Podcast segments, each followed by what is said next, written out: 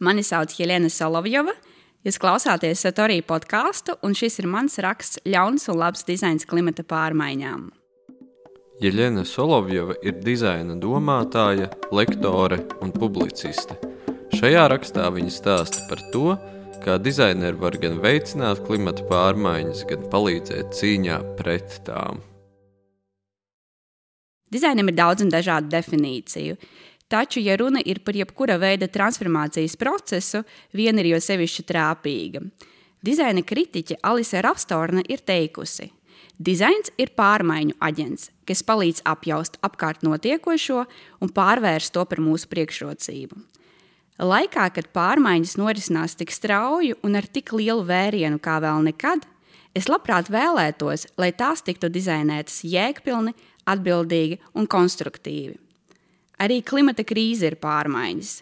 Un pat tad, ja pirmajā acu uzmetienā šķiet, ka dizaina klātbūtne šajā procesā ir negatīva vai tādas vispār nav, es vēlētos izvirzīt hipotēzi, ka cīņā pret klimata katastrofu liela nozīme ir arī dizainam.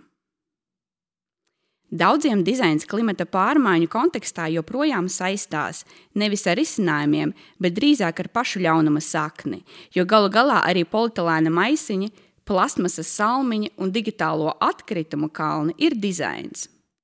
Planēta ir pārpilna ar lietām, kas joprojām tiek radītas ar mērķi likt iegādāties cilvēkam to, kas viņam nevienmēr ir nepieciešams vai ko viņš iespējams nemaz nevēlas.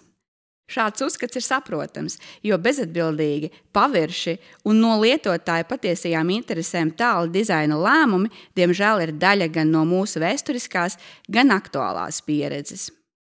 Piemēram, pagājušā gadsimta 20. gados lielākie spuldžu ražotāji izveidoja karteli un noteica, ka spuldzītas degšanas ilgums ir jāsamazina uz pusi.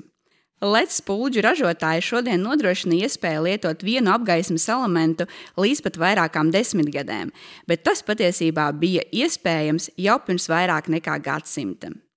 Šobrīd pasaulē vecākā funkcionējošā kvēlspūdze Livermorā, Kalifornijā, izgaismo pilsētas ugunsdzēsēja depo kopš 1901. gada. Līdzīgi savulaik tika kontrolēts arī bateriju tirgus. Tehnoloģija, kas ļauj atkārtoti uzlādēt baterijas, padarot to lietošanu dabai daudz draudzīgāku, ir pieejama kopš 60. gadiem. Taču agresīvā mārketinga ietekmē vienreiz lietojamās baterijas ir gana populārs arī šodien, par spīti iebildumiem, ka tas ir neloģiski, neizdevīgi un kaitīgi klimatam. Mērķiecīgi ļauna dizaina sarakstu varētu turpināt bezgalīgi. Ierīces, kurām nav nomaināmi atsevišķi elementi, no telefona baterijām līdz klaviatūra taustiņiem, neiedzīgas vienreiz lietojamas ierīces, no muzikālajām atklātnītēm līdz baloniem ar LED gaismām, printeru kārtridži, kas pārstāja darboties nevis tad, kad tajos beidzas tinte, bet tad, kad izdrukāts noteikts lapas pušu skaits, programmatūras, kas kavē viedierīču darbību Un visbeidzot, arī pašas viedierīces un cita veida elektropreces, kuru ražotāji fokusējas nevis uz produkta ilgspēju un uz to, kas ar priekšmetu notiks pēc tā darbības beigām, bet uz arvien jaunu modeļu ražošanu. Statistikas dati liecina, ka joprojām tikai 20% rietumvalstīs saražoto elektropreču tiek pārstrādāts atbilstoši normatīviem. Atlikušie 80 visbiežāk tiek nogādāti dažādās mazatīstītās valstīs un noglabāti biedējoša izmēra elektropreču atkritumu izgāstuvēs. Dizains, kas vispirms rada un tad pats apmierina sabiedrības alkas pēc arvien jaunām lietām, nebūtu nav jauna ideja. Tomēr savulaik tas bija izņēmums no ierastām. Par ierastu praksi šāds dizains kļuva pēc otrā pasaules kara beigām, Plasmasas ražošana tolaik pieauga par 300% un sākās bezkompromisa patēriņa ēra. No pirmajiem ātrās ēdināšanas restorāniem līdz vienreiz lietojamai kafijas krūzītei ražotāji mudināja lietot priekšmetus un pakalpojumus arvien ātrāk un vairāk, lai laicīgi tos nomainītu pret arvien aktuālāku piedāvājumu. Arī pieminētais plasmasas maisiņš, starp citu, tolaik bija ļoti gaidīta inovācija. Tā izgudrotais ir zviedru inženieris Stens Gustavs Tulīns. 1959. gadā viņš savu jaunatklājumu prezentēja kā alternatīvu, kas izglābs pasauli, jo atšķirībā no neizturīgā papīra iepakojuma, plasmasas maisiņu varēja veiksmīgi izmantot atkārtoti. Drīz šo izgudrojumu patentēja uzņēmums Celloplast, un jau 70. gadu beigās 80% Eiropas iedzīvotāji deva priekšroku polietilēnam.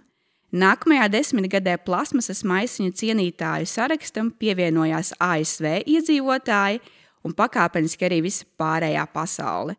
Tieši šādu modernu, polimēra materiālā ietītu un sterilu sabiedrība vēlējās redzēt savu nākotni. Izpratne par videi draudzīgu dizainu sāka pakāpeniski veidoties 60. gadu beigās. 1965. gadā no okeāna īrijas piekrastē tika izvejots pirmais plasmasas maisiņš.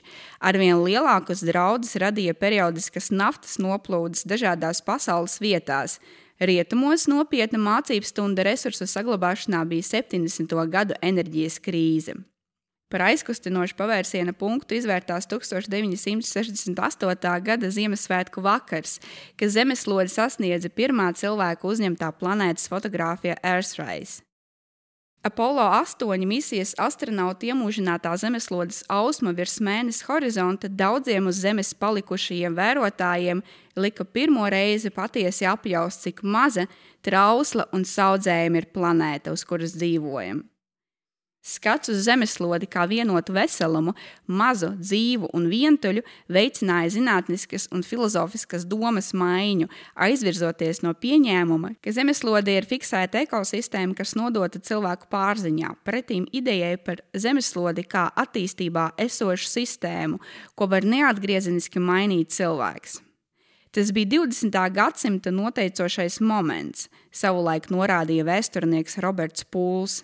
Vides aktīvistiem šis foto kļuva par atskaites momentu virknē veiksmīgu kampaņu, kas bija veltītas piemēram vaļu medību aizliekšanai, meža izciršanas kontroles ieviešanai, apdraudēto sugu glābšanai, ozona slāņa atjaunošanai un kodolieroču ierobežošanai. Jautājums par ētiku un atbildību pret kosmosa kuģi Zeme, kā zemeslode grāmatā Operating Manual for Spaceship Earth, dēvēja tās autors, arhitekts, dizainers un zinātnieks Ričards Bakminsters Fullers, spēcīgāk nekā iepriekš sāka izskanēt arī dizaina jomā.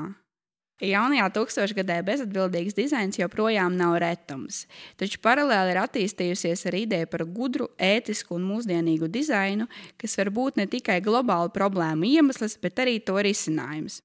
Dizains nav panacēja pasaules glābšanai, taču tā potenciāls ir daudzkārt lielāks par dārgu krēslu vai elektropreču ražošanu. Pārmaiņas notiek. Patstāvīgi domājoši, sociāli un politiski aktīvi jaunās paudzes dizaineri ar entuziasmu risina liela mēroga sistemātiska rakstura problēmas, no bēgļu krīzes līdz klimata pārmaiņām. Viens no nozīmīgākajiem iemesliem, kas pēdējo dekāžu laikā ir ļāvis industrijai piedzīvot būtisku fokusa maiņu un sniedzis dizaineriem lielāku lēmumu pieņemšanas brīvību, ir digitālās tehnoloģijas.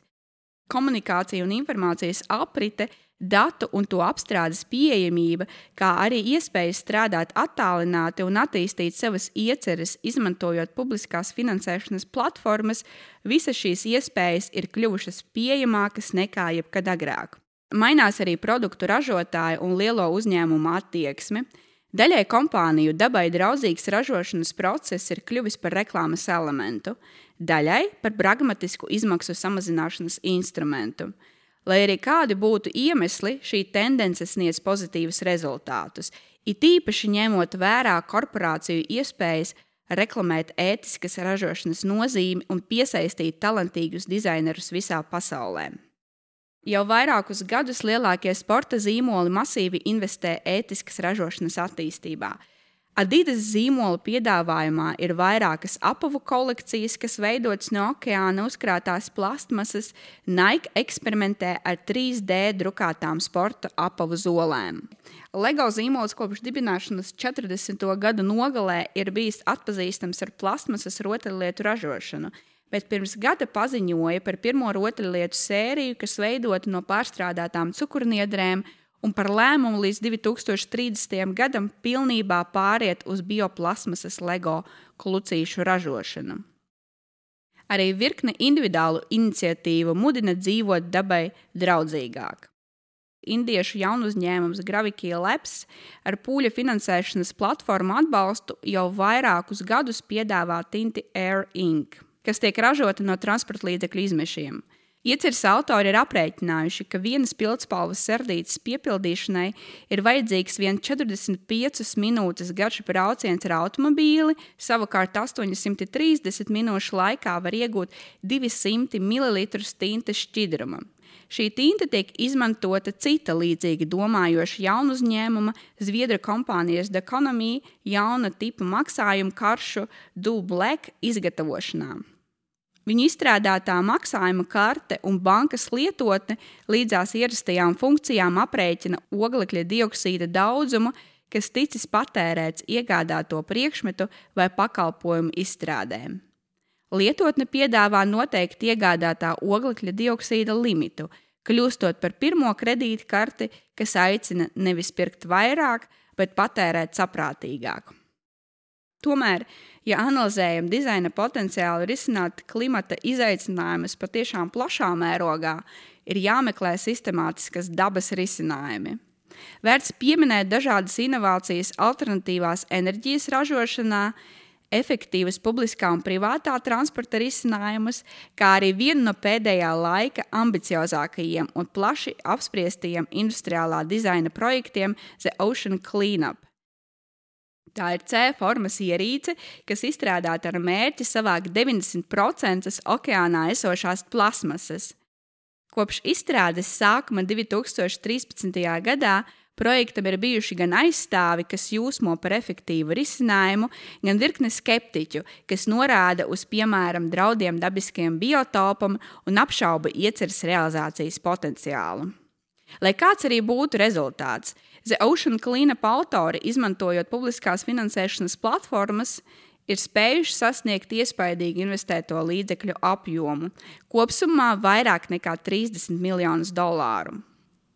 Projektā ir darbojušies vairāk nekā 80 inženieri un dizaineri, kuri līdz pirmajai ierīces palaišanai okeānā 2018. gada rudenī izstrādāja 273 tās modeļus un 6 prototipus. Šobrīd komanda strādā pie nākamā posma - autonoma atkritumu savācēja upēs. Ja The Ocean Cleanup eksperiments izrādīsies veiksmīgs, arī citiem līdzvērtīga mēroga sociālās jomas novatoriem un dizaineriem, klimata aktīvistiem, nākotnē būs daudz vieglāk savas idejas realizēt un demonstrēt dizaina nozīmi cīņā pret klimata pārmaiņām. Savukārt, ja tas izgāzīsies, rezultāts būs tieši pretējs Turēsim īkšķus!